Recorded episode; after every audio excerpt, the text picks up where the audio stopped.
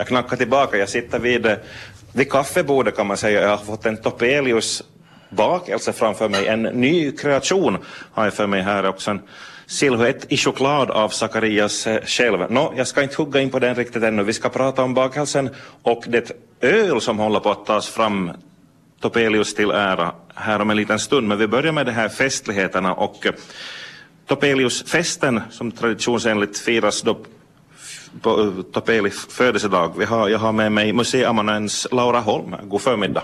God förmiddag. Hördu, ja, jag, jag dammar just in här på, på kontoret så du får berätta, hur smakar den här bakelsen? Ta och den. Smakar jättegod med, med äppel och chinoski och choklad. Det kan aldrig gå fel. Okay. Men mer om det som sagt var senare. Men Zacharias Topelius, nu vi, har vi kommit till 2018 och det är ett stort märkesår för, för uh, Zacharias Topelius och för Nykarleby, hans födelsestad. 200 år sedan Zacharias föddes. Ja, den 14 januari så firar vi 200-årsfest och det är ju inte alla, alla dagar man får göra det. Uh, och som du sa så Topeliusfest har vi ju ordnat traditionsenligt tidigare också och det gör vi även nu. Uh, detta år firar vi dock i Kärnhallen för vi har tänkt att vi spränger väggarna. Um, vi kommer att ha festtal av Stina Ekblad under en spännande rubrik Späda stjärna på livets tråd, Zacharias Topelius och mitt fattiga flickjag. Mm. Vi kommer att få höra nu skriven musik äh, av Charlotte Kerbs, Erika Askolin och Jarmo Rompanen som bildar Topeliusvägen. Det är Topelius tonsatta dikter. Så har vi elever från Skogsparkens skola som sjunger åt oss. Poesi recitation av Johan Klingenberg och så delar vi det ut över tre stycken stora pris. Nykarleby stads kulturpris och så har vi ett pris som heter Stadsbiblioteksstipendium och det är för en ung skribent i Nykarleby. Och så har vi Topeliuspriset, det finlandssvenska stora publicistpriset som Svenska folkskolans vänner delar ut på vår fest. Och det är vi glada för. Ja. Och Stjärnhallen, där ryms det mycket folk? Där ryms det mycket folk. Och det här är då en, en fest som är för allihopa. Vi bjuder inte någon enskilt skilt utan alla är hjärtligt välkomna på fest. Mm. Bara att dyka upp då? Bara att dyka upp. Mm. Så är det. Hör du Laura, hur är det, är det någon slags tema, har ni några önskemål när det gäller klädsel eller sådär, man skulle kunna klä ut sig lite sådär Topelianskt eller något. Jag börjar fantisera här. Ja, man får nog faktiskt klä ut sig precis så man vill eller klä upp sig precis som man vill. Det är ingen dresscode till den här tillställningen. Bra. Uh, Anki Holm, god förmiddag till dig också. God förmiddag. Du är också insyltad i firandet av Topelius. Du är projektledare för ett projekt som heter Björken och stjärnan. Ja, det är ju eh, en väldigt känd saga av eh, Zacharias Topelius om barnen som hittade hem när de följde björken och kärnan. Och det är lite det vi har tänkt också med det här Topeliusåret att ta hem Topelius till Nykarleby tillbaka. Eller han har ju aldrig, aldrig egentligen farit härifrån men att det är ju, det är ju här han, han finns väldigt tydligt märker man hos, hos folk att väldigt många har en relation till honom. Han är sällan många handslag bort.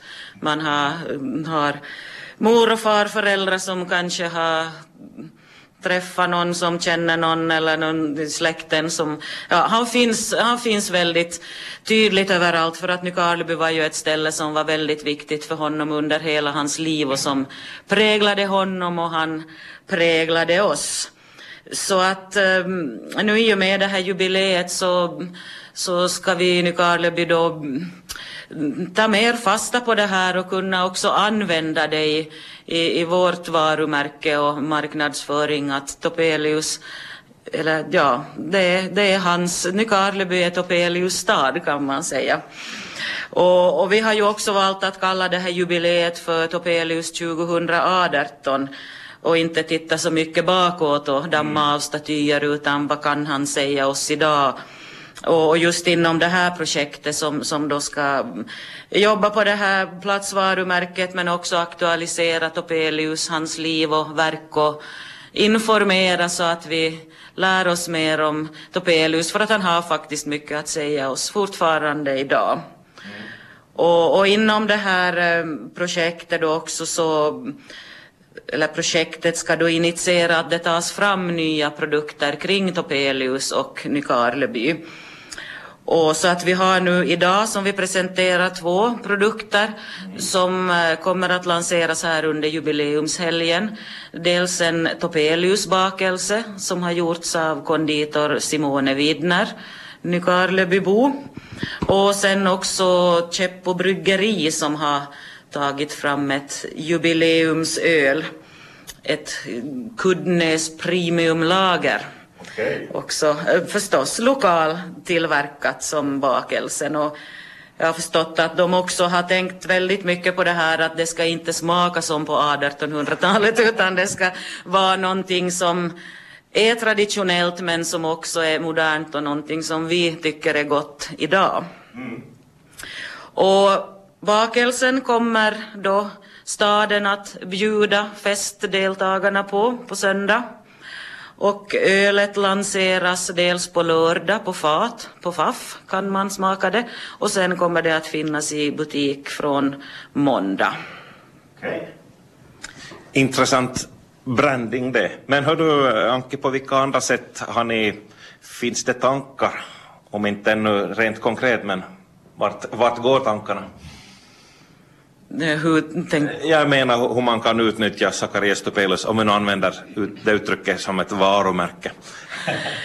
ja, no, det ska ju förstås uh, vara på ett, ett sätt som känns värdigt och, och som är lokalt och genuint. Mm. För att Topelius är ju väldigt genuint förknippad med Nykarleby och, och, att det finns liksom den här traditionen men med en modern twist och någonting som passar med Topelius. Han var ju väldigt bred och mångsidig både i sitt författarskap och som journalist och opinionsbildare och historiker och professor och rektor för Helsingfors universitet så att det finns, det finns mycket att ösa ur. Och framförallt så tycker jag också att ganska mycket av det han har skrivit som lite har fallit i glömska förtjänas att lyftas fram. Vilket det ju gör till exempel också då via Charlotta Kerbs som eh, nytonsatt texter och att det tas upp i skolor och att man ser hur man kan, hur man kan lära känna Topelius idag. Och, och, för att det behövs ju förstås, han har ju skrivit så väldigt, väldigt mycket, men man behöver på något sätt sätta sig ner och se att vad, vad kan vi använda idag och, och, hur kan vi på något sätt tvista till det så att det fungerar för oss. Mm. Men det är ju mycket av hans tankar som är väldigt aktuella och som man kan påminna sig om också idag. Och just det här med att Nykarleby är en så känd författarstad så har ju också, tror vi, mycket med Topelius att göra. Mm. Uh Laura, du som museiamanuens, här har jag skrivit ut vad som händer mer under jubileumsåret, men hur, hur kom, vad vill du lyfta fram? No, det här är ett axplock av, av det som kommer att, att ske under jubileumsåret. På webben på nykarleby.fi slash topelius så hittar man kompletta listan så att säga. Mm. Uh, vi har hållit på med att restaurera Kudnäs och det kommer att öppna 15 maj för besökare. Och vi har en återinvigning av Kuddnäs den 25 juni. Och det som har blivit gjort där är att, att det är då en restaurering till ett ställe som egentligen fungerar som museum sedan 1934. Nu får den ventilering som den ska ha och, och värme och, och så. Mm. Och så till, tillgänglighetsåtgärder. Så från och med maj nu så kommer man in med en rullstol också i vita och det gula huset. Mm. Sen har vi en annan stor fin utställning på gång vid Rådhuset som heter Topelius sagoland. Och eh, det är en konstnär som heter Alexander Reichstein som har gjort eh, sagoböcker i tre meters höjd storlek. Så man får så gå in i sagomiljöerna, i de olika oh. topelianska sagomiljöerna. Och den utställningen kommer att finnas där till slutet på november. Och det är en, en, en jättehäftig grej. Uh, festårets huvudfestligheter så kommer att vara den 11 augusti. Och vi har kallat det för Strövtåg i Topelius värld. Det är en fest som, som är för alla, i alla åldrar. Kom som du är, med, med lite vandringsfest har vi också pratat om att det finns olika punkter runt omkring i centrum, mellan centrum och Kuddnäs som man kan ta del av spännande saker. Mm. Så det är bara att komma då, lördag eftermiddag den 11 augusti. Hörni, det låter som ett, ett digert festår det här. Ja, det är det. Och tanken är att som Anki just sa så är Topelius så bred. Det finns så mycket häftiga saker att ösa från. Och vi vill som plocka fram lite olika guldkorn här och där så att det finns någonting för alla. Alla intressen och alla åldrar. Mm. Hur är det med ska säga, marknadsföringen? Är rätta personer att prata med? Ska, kommer liksom Nykarleby att lyftas fram i turistmarknadsföring och så vidare med, med tonvikt på Tepelius i år eller?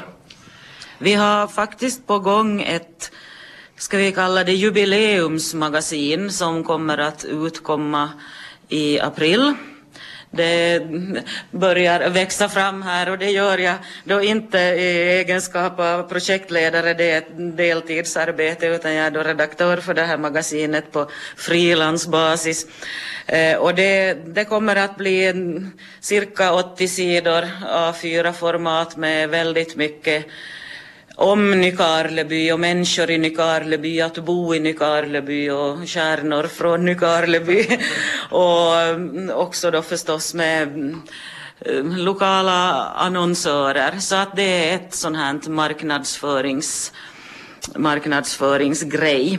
Eh, men sen är det ju det att, att det här årets Topeliusjubileum det har ju inte liksom initierats från statligt håll som det ju ofta är med de här stormannajubileerna utan att initiativet kommer ju egentligen härifrån Nykarleby i och med att vi har satsat så här stort. Mm. Eh, och det är ju på många sätt ett folkets jubileum eftersom Topelius var ju också en folkets man kan man säga. Han var väldigt känd redan under sin livstid som inte minst författare så att att, och det är inte så ovanligt med, eller det är inte så vanligt med just de här giganterna. Eh, så att det, det, är väldigt mycket engagemang runt om i landet har vi märkt också bland föreningar och skolor och teatrar. På finskt håll spelas det mycket Topelius. Och det ordnas ju också ett medieseminarium på Jutbacka nu som Svenska folkskolans vänner ordnar på, på söndag före den här mm. Topeliusfesten. Och Svenska litteratursällskapet har ju förstås också en hel del på gång under jubileumsåret. Och jag hörde just nu också idag att man i Göteborg till exempel planerar en Topeliusfest. Att, att Topelius finns överallt och han, han intresserar oss fortfarande idag. För att ja, han blev väl inte heller färdig med sitt verk så att det finns mycket att fortsätta på. Mm. Härligt, mycket intressant. Ni ska ha en bra fest på söndag och resten av året också. Tack ska ni ha Laura Holm och Anki Holm. Tack, tack. Och nu Pia, nu ska jag provsmaka den här bakelsen och så får du veva en låt med när jag sitter och smaskar och sen ska jag gå och tala med konditorn och de här ölbryggarna. Det låter bra det. Njut av varje tugga så återkommer vi Roger. Yle Vega.